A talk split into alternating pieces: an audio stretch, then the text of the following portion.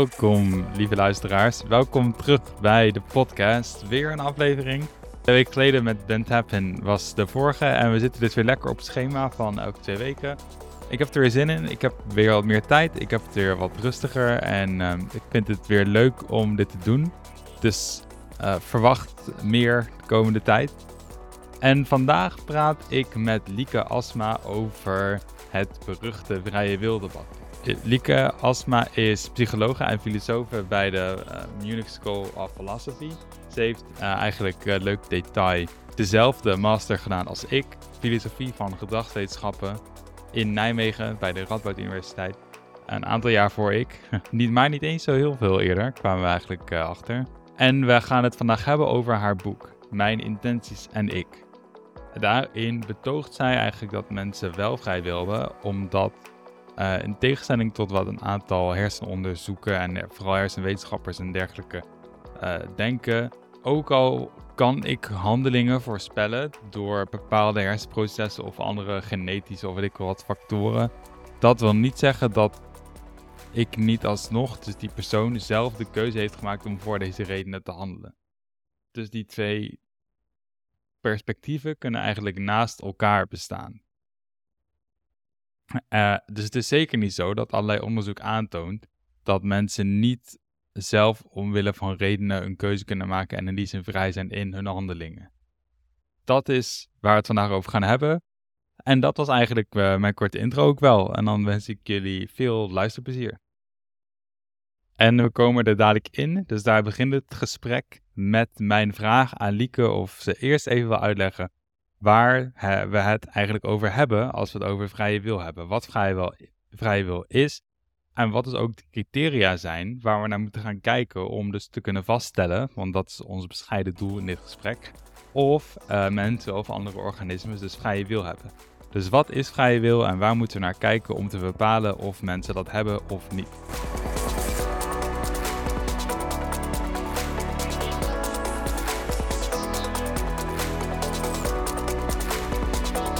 Ja, dat is een uh, goede vraag. um, nou ja, er zijn, vooral als het gaat om vrije wil, van heel veel verschillende visies natuurlijk in de, in de filosofische literatuur. Het is een van de grootst bediscussieerde onderwerpen. Maar de meeste mhm. filosofen zijn het wel over eens dat er eigenlijk twee criteria van belang zijn. Um, en de eerste is dat je alternatieve mogelijkheden moet hebben. En dat is eigenlijk uh, van oudsher een beetje de standaard uh, definitie. Dus dat is vooral ook een uh, criterium dat dus niet samengaat met determinisme. Dus het is een beetje in de moderne tijd, toen de wetenschap uh, heel erg opkwam, daarvoor meer in relatie tot God, maar sinds de moderne ja. tijd in relatie tot wetenschap. Dat ja, en determinisme, wat, misschien moeten we even zeggen wat we daarmee bedoelen. Ja, ja dus ah. determinisme houdt in dat um, eigenlijk de toestand van de wereld op een bepaald moment um, samen met de natuurwetten volledig bepaalt hoe de wereld er een moment later uitziet. Dus um, als determinisme waar is, dus universeel determinisme, dus het gaat altijd op voor alles en iedereen, dan zou het dus zo zijn dat alles wat ik nu doe, um, ja, volledig het resultaat is van de toestand van de wereld voor mijn geboorte. En ook natuurwetten waar ik natuurlijk geen hmm. invloed op heb. Dus als determinisme waar is, dan um, kies ik wel en handel ik wel? Nou ja, dat, daar kun je over discussiëren, maar eh, dat is niet iets wat mm. ik echt doe, omdat het gewoon ja. gevolg is van uh, wat daarvoor is gebeurd. Dus voor heel veel filosofen was dit echt cruciaal. Je moet meerdere mogelijkheden hebben. Er moeten meerdere ja. paden in het universum uh, open liggen. Anders dan uh, ja, heb jij gewoon geen controle en geen vrijheid. Um, en heb je niet, ja, ben je niet je leven zelf aan het vormgeven. Dus dat is één. Ja. Maar uh, alternatieve mogelijkheden is sowieso niet voldoende voor vrije wil. Want we kunnen ons voorstellen dat, uh, nou ja, de, de, discussie over kwantummechanica is bijvoorbeeld een voorbeeld waarbij gesteld wordt, nou, er zijn alternatieve mogelijkheden in het universum. Maar als het volledig willekeurig is, dus als dat uh, niet iets is wat jij zelf bepaalt, dan uh, heb jij nog steeds geen controle. Ben jij nog steeds niet degene die zelf bepaalt. En dat verwijst naar een tweede conditie die um, ja, zelfbepaling wordt genoemd. Dus het moet niet zo zijn dat, dat processen in jouw lichaam, waar je helemaal geen controle over hebt, bepalen wat jij doet. Het moet echt iets zijn waar jij, een keuze die jij gemaakt hebt. En, en de grote vraag is dan natuurlijk, ja, hoe ga je die zelfbepaling um, definiëren? Wat bedoelen we daar eigenlijk mee als je zelf bepaalt? En ja, dat um, ja. Verschillend over. Ja, dus ehm, het moet niet zo zijn dat het eigenlijk allemaal al vast ligt. Dat is een beetje dat determinisme. En het moet ook zo zijn dat als het niet allemaal al vast ligt, dat je zelf um, iets van invloed hebt of hoe het dan gaat lopen. Ja, ja. Ja, dus in die zin zou je kunnen zeggen dat alternatieve mogelijkheden um, voor sommigen wel de, een belangrijke of de, een cruciale voorwaarde is. Maar het is ja. In bepaalde zin interessanter om over zelfbepaling na te denken, omdat die alternatieve mogelijkheden sowieso nooit voldoende zijn voor vrije wil. Ja, en zelfbepaling misschien wel toch, want als je zelfbepaling hebt, dan heb je eigenlijk sowieso ook die alternatieve mogelijkheden, of, of niet? Ja, daar, daar verschillende oh. meningen dus over. Oh, dus ehm, Harry Frankfurt hmm. heeft een heel in, uh, invloedrijk argument dat um, ook als je geen alternatieve mogelijkheden hebt, dat je nog steeds zelf kan bepalen. En um, ik kom in mijn boek eigenlijk mee tot de conclusie dat als we goed onderzoeken wat het betekent om uh, te kiezen en, en te handelen, dat we dan dat daar een soort van uit volgt dat um, determinisme niet waar kan zijn. Of in ieder geval, ja, het is een, een uh, misschien een gewaagde claim, maar in ieder mm. geval, um, ik zeg van ja, we moeten echt psychologie psychologisch onderzoek doen op het niveau waar psychologie te vinden is. Dus niet op het niveau van natuurkundige wetten of biologische wetten zelfs, maar psychologische wetten. En als we daarnaar kijken, dan zien we dat er gewoon iets heel um, anders aan de hand is eigenlijk dan in de andere wetenschappen. Dus dat het, dat het niet zozeer natuurwetten zijn, maar dat we normen gebruiken en um, dat we ons kunnen verhouden tot de manier waarop we um, ja, dingen voelen en denken. Dus, um... ja, dus misschien uh, dat even in twee, moeten we dat even op twee etappes pakken, zeg maar. Dus eerst, dus eigenlijk wat jij zegt is, oké, als we goed onderzoeken wat het betekent, en als we dat serieus nemen om te handelen, dan ja, is dat een argument om te zeggen dat determinisme waarschijnlijk niet waar is. Uh, want um, in, met handelen en, en bestuderen waarom mensen dingen doen die ze doen, dat werkt anders dan ja, ketens van gebeurtenissen bestuderen, zoals in natuurkunde of zo. Ja, uh, dus dat is, en dat hangt natuurlijk ook weer van je definitie van determinisme af. Maar als je het hebt over ja. Um, uh, dus natuurwetten, waarbij je kan uitrekenen wat iemand vervolgens gaat doen, dan um, is dat niet van toepassing op psychologie, of in ieder geval niet volledig, kan dat niet de volledige de psychologie um, omvatten. Um, ja, en da daar is het dus eigenlijk ook gewoon, uh, als we echt willen begrijpen waarom mensen doen wat ze doen, dan moeten we um, ruimte maken voor ander soort relaties. Dus voor bijvoorbeeld het feit dat wij normen gebruiken als we handelen, dat wij in het licht van doelen onze handelingen aanpassen en dat dat andersoortige relaties eigenlijk zijn dan die mm. natuurwetten um, naar voren komen. Maar hoe zou dat werken dan? Dus het idee is volgens mij een beetje, want ja, ik weet natuurlijk ook wat in je boek staat, maar dat uh, als je, oké, dus stel je hebt zeg maar een heel model, in, in theorie zou dat ooit misschien ook wel mogelijk zijn van uh, waarom mensen doen wat ze doen. Dus als ik weet hoe een persoonlijkheid in elkaar zit en hoe genen zitten in elkaar, weet ik veel, en hoe de omgeving in elkaar zit en wat, hoe ik me gedraag als ik um, een podcast opneem of zo, dan kan ik nu al voorspellen of zo wat, wat ik over twee minuten ga zeggen. Omdat ik ook weet wat jij gaat zeggen. Ja, het is ook altijd met die determinisme dingen, als je die gaat proberen uit te denken, dan denk je, ja, het is gewoon heel raar. Dat merk je nu al bijvoorbeeld, van wat, ja. Als je echt nadenkt over wat dat nou zegt, dat alles al vast ligt in de toekomst. Ja, dat is toch raar. Dat is, filosofisch gezien is het vast mogelijk, maar het is gewoon heel intuïtief, heel implausibel.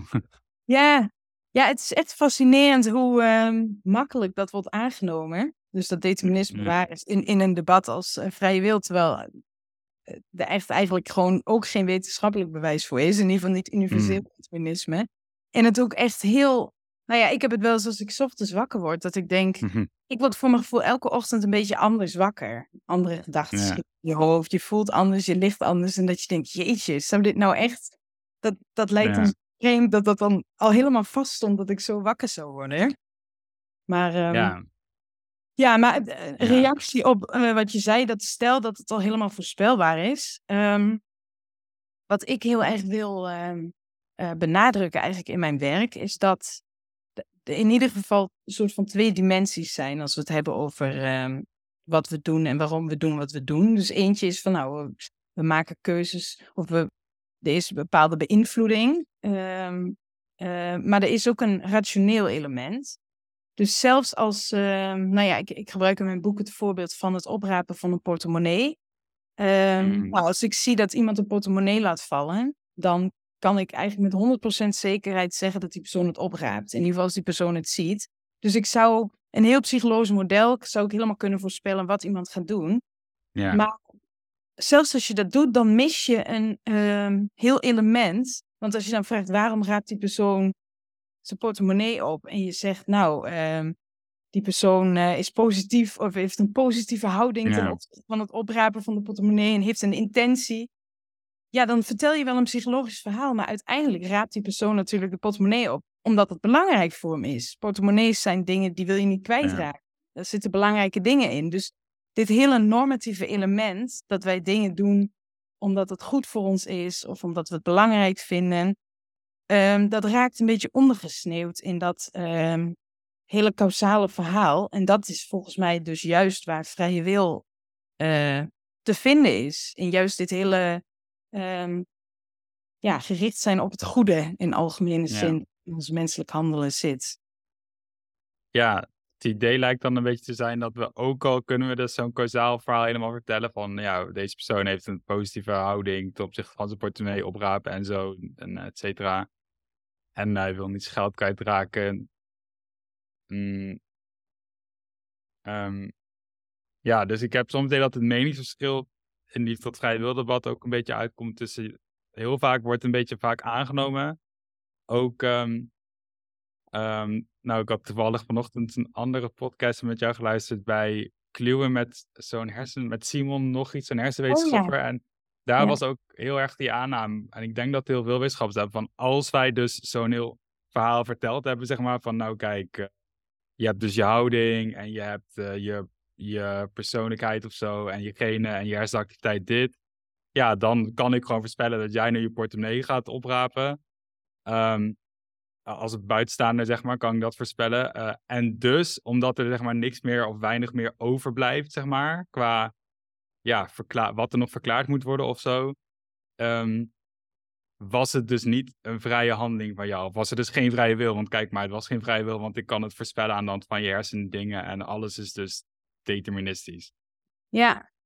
Mm. Ja, en mijn punt is dan eigenlijk, um, nou ja, in de eerste plaats is natuurlijk, er is maar heel weinig psychologisch gedrag dat met 100% zekerheid voorspeld kan worden. Dus uh, ja. de dingen die met 100% zekerheid voorspeld kunnen worden, zijn dingen die gewoon heel slim zijn om te doen. Dus het oprapen van je portemonnee of ja. uh, niet doorfietsen als de weg geblokkeerd is of dat soort dingen. En, en mijn punt is eigenlijk, um, zelfs als je dit hele causale verhaal op die manier zou vertellen, en zelfs als je dus dan met 100% zekerheid uh, iemands gedrag kan voorspellen en verklaren, ja. dan nog snap je iets niet. Dus als, als je dan ja. zegt van ja, iemand heeft een positieve houding en daarom raadt die persoon de portemonnee op. Nee, portemonnees zijn gewoon belangrijk. Dus je, je mist die hele, dat hele normatieve element dat gewoon constant in onze handelingen aanwezig is. Dat wij dingen doen omdat het um, ons leven beter maakt. Of wij denken dat het ons ja. leven maakt. En op dit punt ontstaat er dan vaak een soort van spraakverwarring, volgens mij, tussen mensen. Want dan krijg je vaak de reactie van: nee, maar kijk, dat jij dat dus belangrijk vindt, dat heeft dus zelf ook weer een soort van uh, verklaring. Weet je wel, dat gaat ook weer helemaal terug naar iets. Ja. Dus wat je ook probeert aan te halen, we kunnen het ja, dus we kunnen het altijd weer in, in dat schema stoppen, zeg maar. Ja.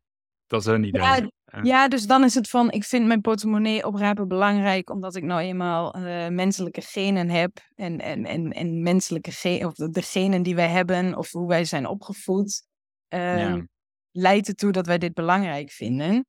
En ehm, ja, ik, wat ik dan dus toch belangrijk vind, is dat je dus dit het onderscheid tussen um, van er moet iets unieks zijn aan hoe mensen handelen en hoe mensen keuzes maken, dat dan alsnog, uh, waar dan alsnog uit volgt dat wij controle hebben over ons leven, dat we ons leven kunnen vormgeven, wat anders is dan een steen die zomaar veroorzaakt wordt. En ja. het interessante is dat je dus dan uiteindelijk een, eh, ook een meningsverschil tussen filosofen die vrije wil verdedigen krijgt, eigenlijk op basis van die twee criteria. Dus je hebt een groep filosofen die meer zegt, nou, het gaat er echt alleen maar om dat je kunt doen wat je belangrijk vindt. Daar zit dan al genoeg uniciteit in het handelen in.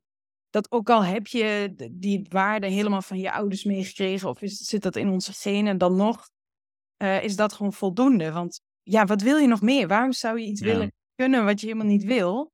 En andere filosofen hebben dan de neiging om het iets meer op um, die alternatieve mogelijkheden te gaan zitten en iets meer te zeggen van nou, oké, okay, uh, jij vindt dit waardevol, maar dit is alleen maar jouw eigen waarde of jouw eigen keuze als je het ook ter discussie kunt stellen. Dus als je alsnog kunt vragen, ja, waarom vind ik dit mm. belangrijk? Um, en ja, dat is, dat is een beetje misschien ook wel een intuïtief uh, onderscheid. Maar ja, ik, ehm. uiteindelijk wel dat wij, wij hebben wel de unieke vaardigheid om dat soort, om, om de doelen waarnaar wij handelen ter discussie te stellen. En ik denk dat iemand die dat helemaal niet kan, dus iemand die gewoon zegt, ja, mijn ouders uh, gingen ook altijd in een caravan op mhm. vakantie, dus ik doe dat ook.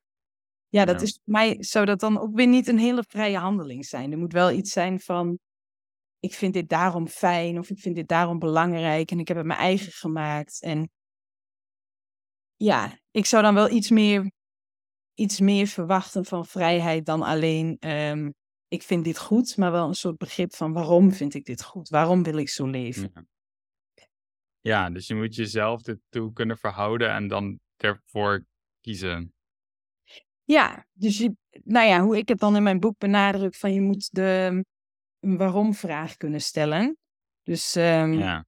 Nou ja, ik geef volgens mij ook het voorbeeld als je dierenarts wil worden en je komt uit een familie van dierenartsen, dan zeggen we snel, nou, je doet maar gewoon wat iedereen van je verwacht.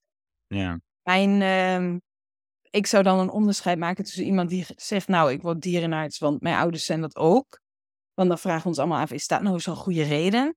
Maar iemand die zegt, nou, ik, ik hou gewoon heel erg van dieren en um, ja, ik ben heel erg geïnteresseerd in, in, in hoe het lichaam in elkaar, het dierenlichaam in elkaar zitten. En dan, ja, dan is dat gewoon een, een ja, ultieme vrije keuze. Iets waar jij uh, vragen over kunt stellen en tot de conclusie bent gekomen: dit is uh, hoe ik mijn leven wil leiden en, en wat ik, hoe ik mijn tijd wil besteden. Ja, dus zelfs als jij die dierenarts wordt, um, niet omdat, maar terwijl ook je ouders ook allebei dierenarts zijn, um, maar jij kan, hebt nog steeds die goede reden daarvoor en je hebt erover nagedacht en je hebt gewoon een goed verhaal van waarom ik dit leuk vind, dan maakt het eigenlijk voor die qua vrijheid niet zoveel uit dat je ouders ook die, dat dierarts waren en dat dat ongetwijfeld ergens wel iets van een, rol zal hebben gespeeld in je beslissing. Nee, nee, nee, ik, ik, ik vind het soms wel grappig. Ik denk dan van, dat is echt een soort puberaal idee van vrijheid. Hm. Dat, dat vrij zijn betekent helemaal niet doen wat je ouders willen dat je doet of uh, wat je van je ouders hebt geleerd. Terwijl, um, nou ja, het, het, gaat volgens mij dus om vermogens. En je leert juist, als het goed is, van je ouders, als je geluk hebt, misschien zelfs wel, um, ja, goede keuzes maken. En, en, en um, afwegingen maken tussen dingen die wel niet belangrijk voor je zijn. En ja, ja. als je gewoon zelf ook goede keuzes hebben gemaakt, dan is het keuzes die jij goed vindt, dan is het niet zo vreemd dat jij ook soortgelijke keuzes maakt. Ja. Betekent niet inderdaad dat, je, dat je gedwongen bent of uh, dat je het alleen maar doet omdat je ouders het ook doen. Dat, dat is dan een cruciaal verschil. Ja.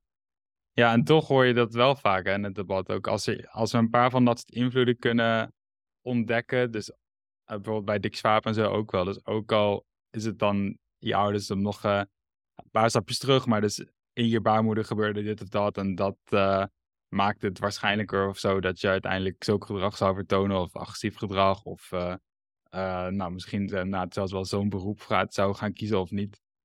Dat als wij die invloeden kunnen ontdekken, dan hebben we een soort van aha, aangetoond dat het dus, dus niet uit vrije wil een keuze was. Ja, nee, dat, uh, ja, dat, dat zou ik dus helemaal afwijzen. Ja. Dat het, het veronderstelt ook een bepaald beeld natuurlijk. Dat, uh, nou ja, met zo'n voorbeeld van de baarmoeder geldt het dan natuurlijk niet. Maar het idee dat als je iemands um, houding ten opzichte van iets meet en iemands intentie, en wat dus in psychologie veel gebeurt, in psychologisch onderzoek, dan um, neem je al aan dat dat gewoon blokjes in iemands hoofd zijn die vervolgens gedrag veroorzaken. Maar dat is al een heel sterk metafysisch beeld van de geest, wat eigenlijk steeds meer ter discussie komt te staan. Dat, eh, het is niet zo dat er een aparte houding is die dan iets anders veroorzaakt. Dat, dat zijn allemaal dingen waar je je actief toe verhoudt en waar je op reflecteert en die ook weer bijvoorbeeld verandert als je eenmaal de handeling bent gaan doen. Dus zo'n clean beeld van er zijn dingen in ons hoofd die andere dingen veroorzaken, dat, dat um, is geen neutrale aanname in de psychologie, om het zo maar te mhm. zeggen. En nou ja, wat ik ook wel interessant vind van het voorbeeld van Dick Swaap, um, daar zit eigenlijk dus ook al iets heel sterks normatiefs in, wat ik dus um, eerder ook benoemde. Kijk, um, als we bijvoorbeeld ontdekken dat um, nou ja, bepaalde mensen dus meer moeite hebben om een, met hun agressie om te gaan of sneller agressief worden, um, dat is natuurlijk wel relevant voor vrije wil. Want dat zijn toch vaak mensen die dus niet in staat zijn om hun leven op een goede manier vorm te geven of minder goed daartoe in staat zijn. En dan wordt het natuurlijk wel relevant voor vrije wil. Want dan, nou ja, als je het dan gaat hebben over verantwoordelijkheid en over ja, mensen aanspreken op hun gedrag, dan kan het wel zo zijn dat we op basis van dat soort onderzoek toch moeten concluderen, oh ja, we moeten hier onderscheid maken. Maar dat onderscheid moeten we alleen maar maken omdat die situatie in de baarmoeder dus blijkbaar um, de vermogens aantast. En het gaat dus uiteindelijk om, om de vermogens, dus vermogens als zelfcontrole of um, ja, zelfmanagement of misschien gewoon van nature minder um, agressief reageren op bepaalde situaties. Dus, ja. Um, ja, dus indirect is het onderzoek wel relevant voor vrije wil, maar niet zo direct als wat gesuggereerd.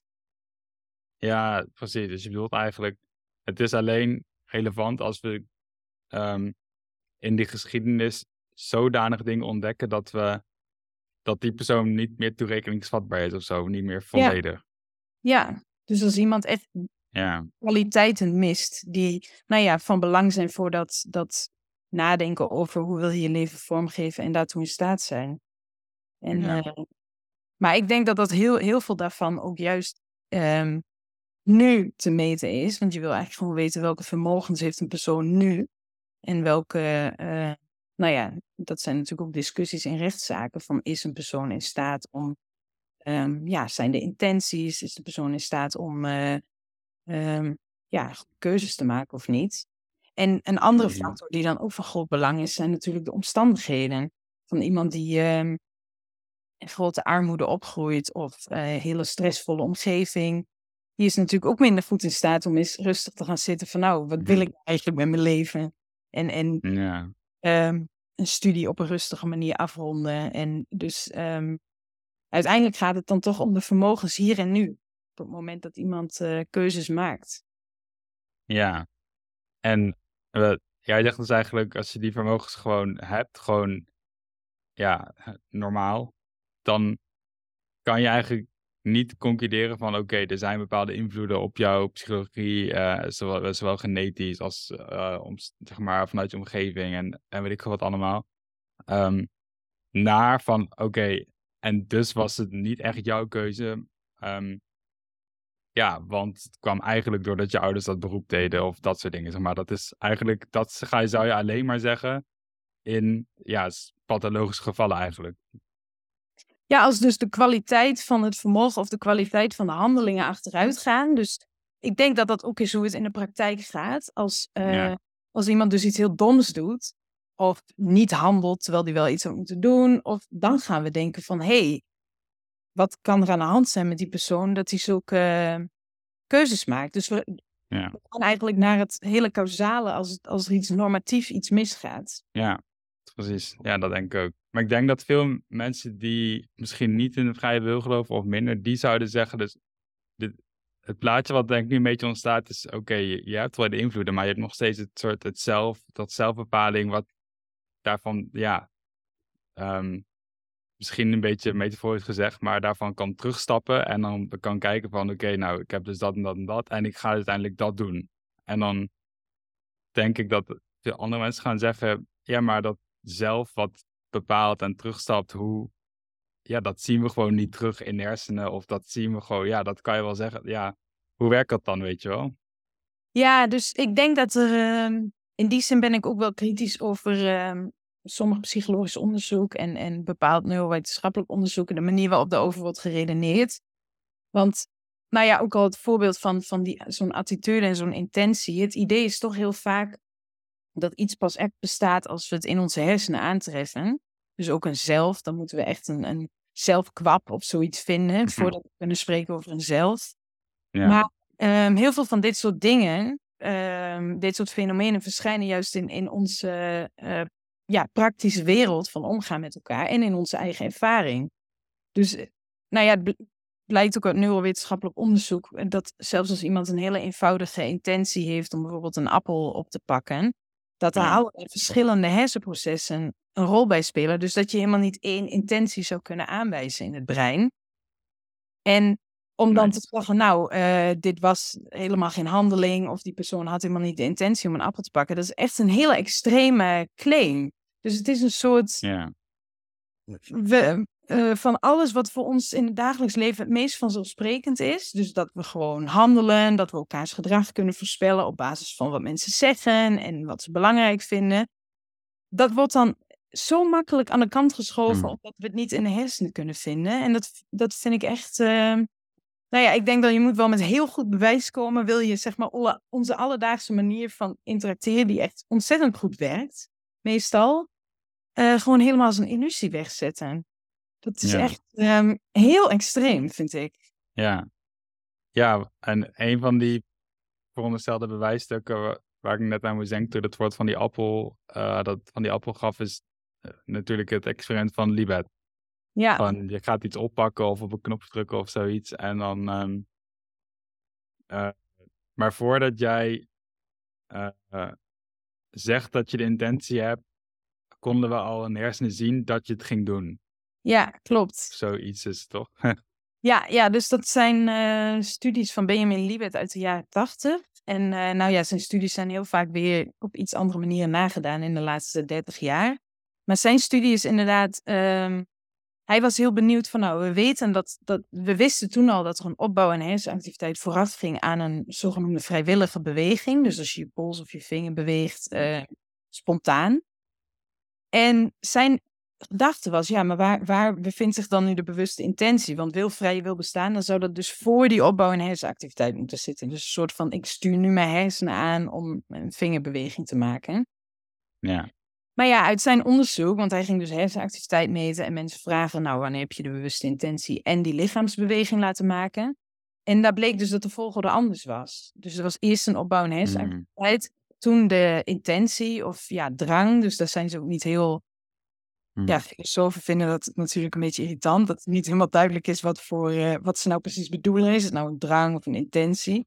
En vervolgens de handeling. Dus um, ja, voor Libet was het echt een grote schok. Want hij dacht dus, ja, mm. onze hersenen bepalen dus wat we doen. En wij bepalen het helemaal niet zelf. En um, nou, die studie is ook wel heel erg bekritiseerd gewoon door de methode. Dat het gewoon methodologisch niet zo uh, sterk is. Maar ehm, ja, er zijn ook heel veel filosofische discussies over of dit nou wel echt over vrije wil gaat.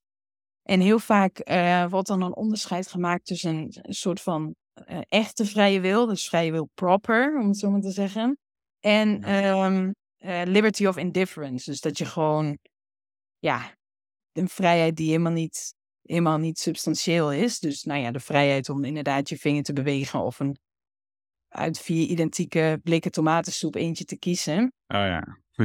En, en de discussie gaat dan heel erg over van uh, uh, dat we wel moeten, uh, dat we echt vrij zijn als we van tevoren redenen bedenken en dat dat dus helemaal niet in Libet studie aan de orde is. Maar wat ik er zelf ook heel fascinerend aan vind, is als je gewoon naar de studie kijkt, dan ehm, voldoet het, het zegt helemaal niet dat mensen niet iets anders kunnen doen dan ze daadwerkelijk deden. En het voldoet in bepaalde zin juist helemaal aan uh, dit idee van je doet, een, je doet iets specifieks omdat je een, een, op grotere schaal iets goeds wil doen. Dus je hebt gewoon ingestemd. Ik ga deze studie doen en uh, meedoen aan dit experiment. En ik heb dus beloofd dat als ik een drang voel, dat ik dan mijn vinger beweeg of een knop indruk. Nou, en dat, is precies wat die personen doen. Dus zij, en ze hebben gewoon geen enkele reden om, om van dat uh, stramien af te wijken. Dus het is gewoon, uh, als je een beetje uitzoomt en niet alleen naar die ene beweging kijkt of alleen naar de hersenactiviteit, dan uh, is het gewoon een hele rationele keuze binnen die experimentele setting om gewoon je vinger te bewegen of je, ja, je pols als je, als je die drang voelt. Ja. Ja, dat, um, dat aspect uh, wordt dan toch wel over het hoofd gezien. Dus normaal, normaal als we het hebben over vrije wil, dus dat dan denk ik die vrijwil proper is, ja, je bent gewoon, zeg maar, een normale, realistische, rijkere, zeg maar, beslissing aan het nemen van, oké, ga ik dat doen, ga ik dit, ga ik, of ga ik zo doen. Um, en dat je zo'n keuze al dan niet vrij kan maken, of, of ja, vrij genoeg kan maken, is eigenlijk heel wat anders dan die keuze van ik heb überhaupt maar één ding wat ik kan doen, namelijk op dat knopje gaan drukken. En wanneer zal ik dat gaan doen? Ja, ja dus het, mijn, mijn, overal, eh, mijn overal visie op vrije wil is, um, nou ja, dat, dat wat een handeling typisch maakt en wat dus ons controle geeft over ons leven, is dat wij dus op een, een van een algemene uh, principe, bijvoorbeeld van vriend, de waarde van vriendschap, naar concrete handelingen kunnen redeneren. Dus bijvoorbeeld, nou, ik, ik hmm. ben een persoon die vriendschap belangrijk vindt, dus ik bel nu een vriend die het moeilijk heeft, of ik stuur even een appje of zoiets. En um, die vorm zit eigenlijk precies ook in Libet's experiment. Dus je hebt gewoon ingestemd, ik doe mee aan de studie. En daar horen die specifieke handelingen eigenlijk bij. En, um, ja. en, en heel anders juist dan um, het vriendschapsvoorbeeld. Um, is het ook echt waardevol voor mij uh, op, op de schaal van mijn leven om dus te besluiten van nou, ik stuur die vriendin een berichtje. In vergelijking met ik beweeg nu mijn vinger of uh, twee seconden later. Dat, dat, dat, is, dat heeft helemaal niks te maken met ik ga mijn leven op mijn eigen manier inrichten. Of, of ik, ik leef naar mijn waarden. Of... Dus enerzijds zit die vorm er juist wel in. En anderzijds is het helemaal niet relevant uh, wanneer je precies die keuze maakt. Dus je gaat gewoon mee met de drang die toch al. Uh, ja. ja.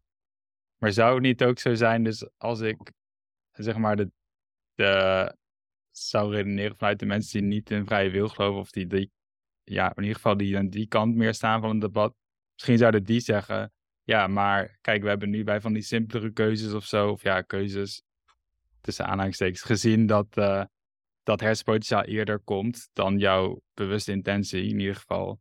Um, ja, misschien is dat bij die complexere keuzes ook wel uh, gewoon zo. Ja.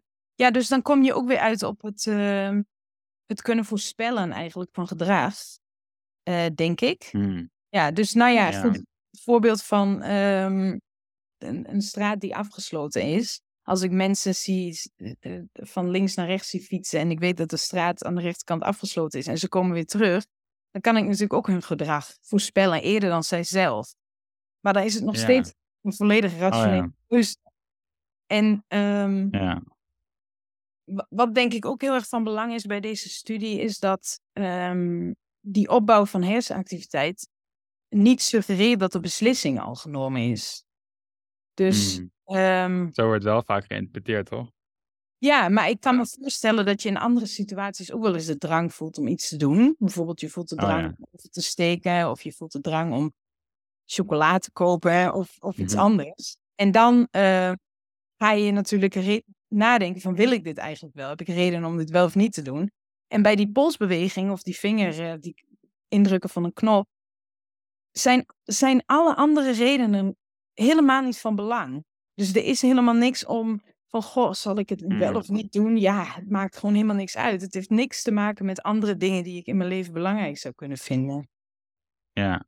Ja, nou, dit is ook een hele filosofische kritiek hoor. Want er is ook al ehm, best wel sterk neurowetenschappelijk bewijs tegen Libet's claim. Want het blijkt gewoon dat, of nou ja, onderzoek suggereert dat er eigenlijk constant reflecties of ehm, fluctuaties in, in hersenactiviteit zijn. En uh, nou ja, in de meeste gevallen gaan we daar niet spontaan knoppen van indrukken of onze pols bewegen. Dus hmm. het, het is niet iets wat specifiek is voor de handeling. Het is eerder zo als je mensen vraagt, handel naar een bepaalde drang en doe dan mm-hmm. dit. Dan gaat die uh, hersenfluctuatie een rol spelen. Maar dat speelt dus alleen een rol in het grotere kader van het experiment. En zo gauw je dus buiten dat experiment stapt, heb je nog steeds die hersenfluctuaties, maar ga je niet ineens uh, je pols de hele tijd bewegen. Dus het, het, het is iets wat alleen binnen deze studie um, um, ja, tot een, een, polsbeweging leidt. Maar gewoon dat jij dan die drang interpreteert als: oh ja, dit was mijn opdracht. Ik voel die drang, nu ga ik mijn pols bewegen. Ah, zo. Ja, dus wat je bedoelt is die drang en zo en die hersenactiviteit, dat gebeurt heel vaak. Ja. Alleen omdat je nu in zo'n setting zit dat al het andere zeg maar weg is, is dat opeens veel meer een aanleiding dan dat het normaal gesproken zou zijn. Ja. Normaal zijn er redenen en nu zijn er eigenlijk geen redenen om, om iets anders te doen. Ja. Dus uh, ja. ja. Ja. Ja, dus het is een heel. Uh, ja, het is, het is een hele aparte studie wat dat betreft. Die wel toch echt heel erg afwijkt bij normaal um, keuzes ja, ik, ik, heb dat wel vaker bij die, bij die psychologie dingen, dat om een of andere reden die dingen die heel erg bekend worden, dus ook buiten vrijwel, bijvoorbeeld de Stanford Prison Experiment en zo, oh, ja. die dan heel bekend worden. En dat zijn dan juist vaak een beetje van die matige studies, zeg maar, methodologisch gezien.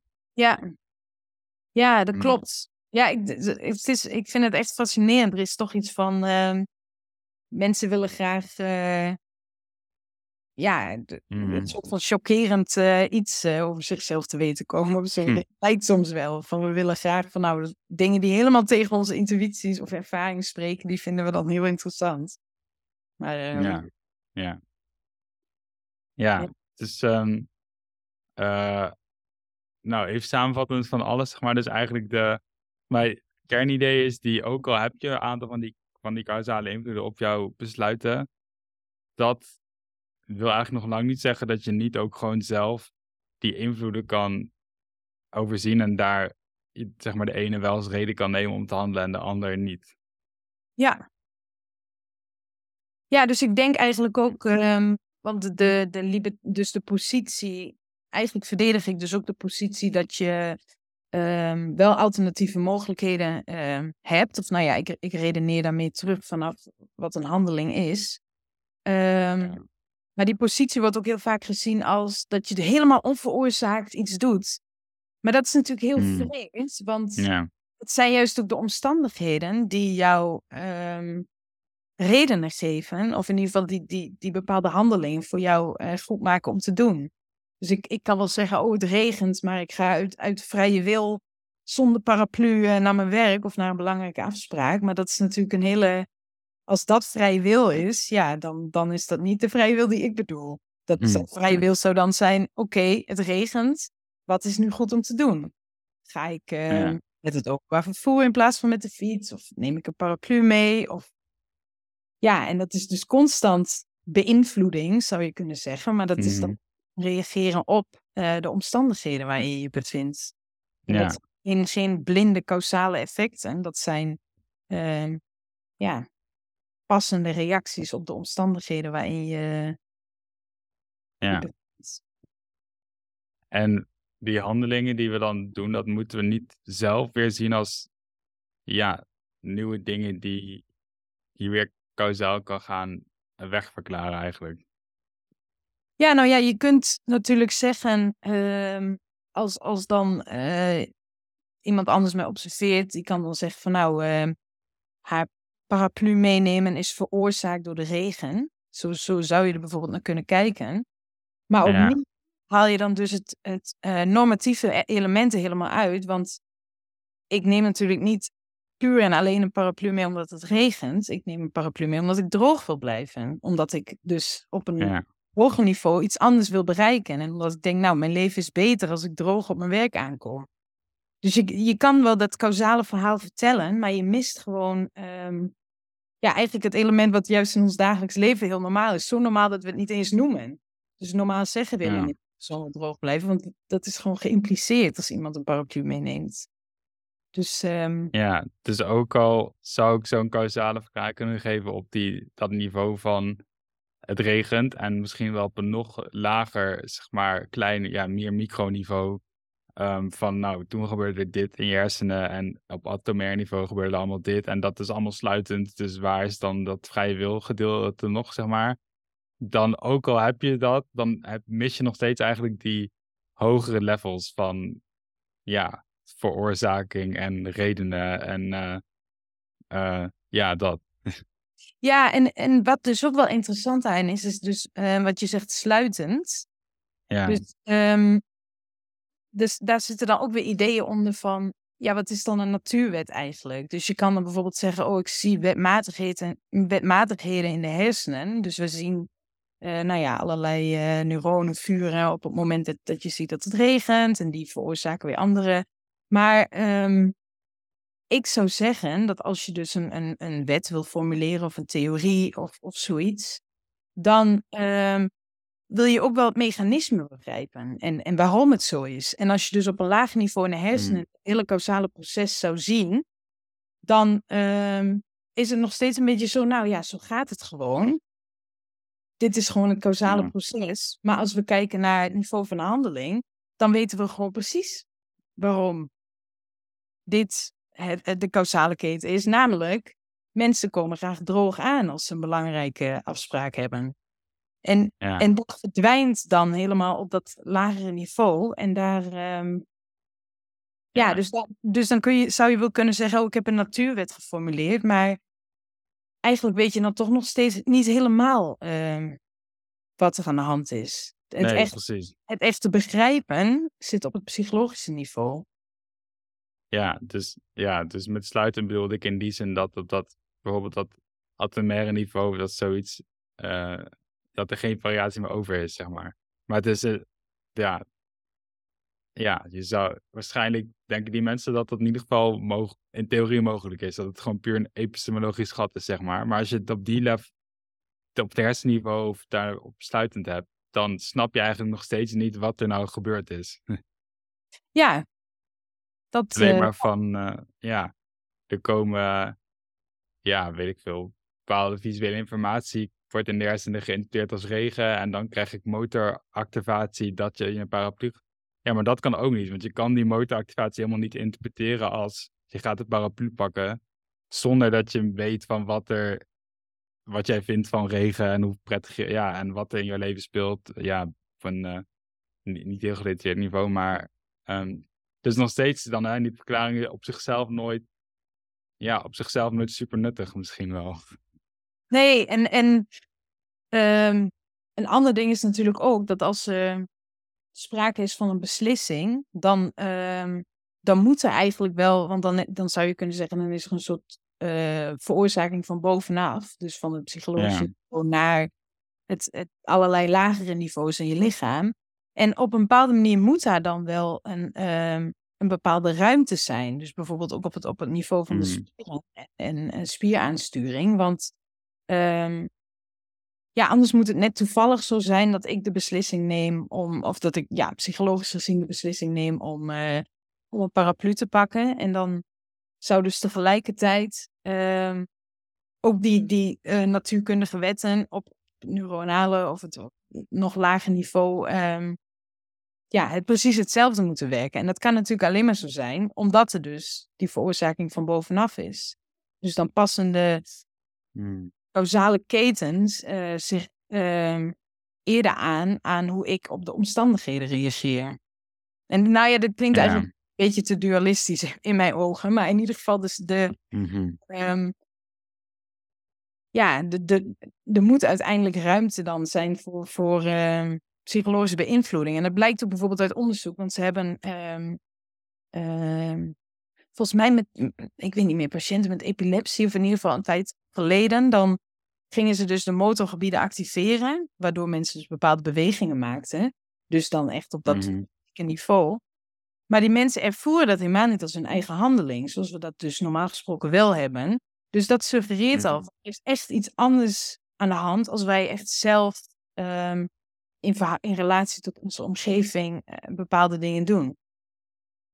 Dan oh ja. Uh, tijd of uh, zoiets dergelijks. Ja. Maar ja, goed, ja. ja. Nogmaals, ik, ik wil ook niet een heel dualistisch, uh, want het is natuurlijk heel raar om te denken dat uh, als ik handel, dat er dan, tuurlijk, alles, alles doet mee, alles overal. Uh, maar het echte begrip zit dan op het psychologische niveau. Het echte begrijpen waarom iemand doet wat hij doet. Dat, dat zit op, ja. Ja op het psychologische. Wat bedoelde je met dat klinkt dualistisch als je dat zo ziet? Nou, het klinkt dan een beetje van uh, uh, alsof ik dus een losstaande ziel ben die een bepaalde beslissing neemt en vervolgens uh, mijn, mijn lichaam aanstuurt. En zo, zo is het natuurlijk ook niet, maar je hebt natuurlijk wel verschillende verklaringniveaus. En um, mijn claim is dus, als je het wil hebben over vrije wil en, en handelen omwille van redenen, dan zit het echte begrijpen van waarom iemand doet wat hij doet op dat hoogste niveau. En um, Natuurlijk gebeuren er ook allemaal dingen op andere niveaus, maar daar, daar zullen we dan niet de. Ja, het, het is volgens mij helemaal geen wet, maar daar zullen we niet de, de uh, normen vinden waar een persoon naar handelt. Die vinden we in uh, de psychologie. Ja, nogmaals, je moet echt wel met goed bewijs komen, wil je zoiets alledaags als een illusie. Dat vind ik echt heel scientistisch. Dus om dan te zeggen van nou, uh, we zijn allemaal keiharde wetenschappers en we, gebruiken alleen nog maar uh, scans en dat soort dingen. En alles wat we gewoon de hele dag door doen, zelfs als we wetenschappelijk onderzoek doen, met elkaar overleggen, ja, is allemaal een illusie. Dat is zo'n extreme positie. Ik begrijp niet dat dat zo. Um... Ja, en ik denk ook, um... nou ja, mijn boek is ook wel een beetje een, gewoon een uiting van zorg uh, over de toestand van de psychologie. Of in ieder geval hoe ik denk van hoe we psychologisch onderzoek zouden moeten doen. Want daar zit ook heel erg in van we volgen het natuurkundige model van we meten dingen en we kijken hoe het elkaar beïnvloedt en allemaal met cijfers en zo. Terwijl, ja, om mensen te begrijpen, uh, zou je dus veel meer het eerste persoonsperspectief bijvoorbeeld moeten onderzoeken. Dus hoe ervaren mensen dingen? Um, nou ja, de redenen waar, om, omwille van waarvan mensen handelen, uh, weten ze ook zelf vaak uh, toch het beste. En dat is weer een ander onderzoek ook, dat mensen zeggen, oh, de echte redenen um, weten ze niet. Maar daar zitten ook weer allerlei vreemde aannamen in die helemaal niet stroken met hoe wij normaal gesproken over redenen nadenken, namelijk in die normatieve zin. Um, dus ik denk juist van psychologie zou echt veel meer uh, gewoon wat dapperder moeten zijn en moeten zeggen van wij hebben een heel ander onderzoeksonderwerp dan andere vakgebieden en we moeten dus ook andere methoden gebruiken. En dat betekent niet dat we de andere methode helemaal uh, weg moeten gooien, maar wel dat we moeten zeggen, ja, het, wij zijn wezens met bewustzijn, met een eerste persoonsperspectief. Laten we dat nou eens um, gebruiken om mensen te begrijpen in plaats van weg te verklaren. En, uh, ja, interessant. Dus, want hoe zou zo'n methode er dan uit moeten zien? Misschien heel vaag en schetsend. Waar, wat, waar denk je dan een beetje aan? Nou ja, ik zou dus um, het goed vinden. Nou ja, dit is ook wel in heel veel andere onderwerpen discussie. Bijvoorbeeld over, nou ja, pijnonderzoek. is natuurlijk heel logisch om mensen te vragen hoe ze dingen ervaren. Maar ook um, als het dus gaat om handelen omwille van redenen. Van hoe, um, uh, ja, hoe ervaren mensen het als ze dus iets, iets heel specifieks doen omwille van iets groters. En wanneer, um, uh, als je bijvoorbeeld vraagt waarom doe je dat? wanneer gaan mensen uh, twijfelen daaraan en wanneer niet. En wat voor impact heeft dat weer op latere. Dus ook een beetje het, eigenlijk het tweede persoonsperspectief. Dus ook het interactieve perspectief van elkaar vragen stellen. En hoe, hoe werkt dat nou precies? Dus um, in mijn boek is het vooral ook de kritiek op. We zien die normatieve dimensie pas als we mensen daarna vragen. Dus het, de, de, de vrije wil verdwijnt omdat we het eerste persoonsperspectief niet serieus nemen. Maar ik denk als het gaat om handelen omwille van redenen, dan um, ja, dan mis je dus dat aspect als je alleen maar naar causale ketens kijkt. Dus dat aspect van, uh, ja, waarom doe ik dit eigenlijk? In normatieve zin. Ja, um, Nou, ik denk dat we het daar maar bij moeten laten, ook gezien de tijd. Oké. Okay. Dankjewel. Ja, graag gedaan.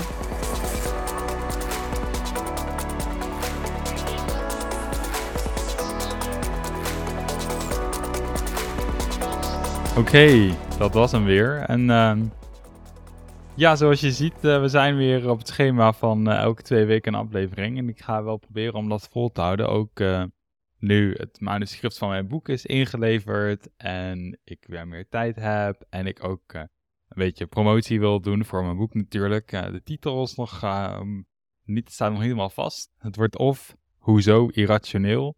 Waarom we beter denken dan we denken. Of het wordt Eigenlijk zijn we best rationeel. We denken beter dan we denken. Maar zoiets. Uh, in maart komt het uit. En uh, nou, in die tussentijd lekker weer veel meer tijd voor de podcast onder andere. Nu uh, het manuscript bijna volledig definitief de deur uit is. Dus um, ja, weer een aflevering gepubliceerd met Lieke Asma over vrij wil, die je net geluisterd hebt. ik vond het zelf een heel leuk en nut gesprek. Ik kan haar boek, dus Mijn Intenties en Ik, heet het boek. Mijn Intenties en Ik ook van harte aanraden. Uh, als je wat meer achtergrond wil en het uitgebreide, uitgebreidere argument voor waarom dus vrije wil betekent dat we kunnen handelen voor redenen. Dat we zelf toch uh, kunnen kiezen en erachter kunnen staan. Uh, dat we bepaalde dingen wel als reden zien en bepaalde andere dingen niet. en dat we toch die keuze wel redelijk zelf kunnen maken. Ook al kan ik het dus voorspellen op een bepaald niveau. Die dingen kunnen naast elkaar bestaan. Ik hoop dat het voor jou net zo nuttig was. En dan spreek ik je dus over twee weken weer.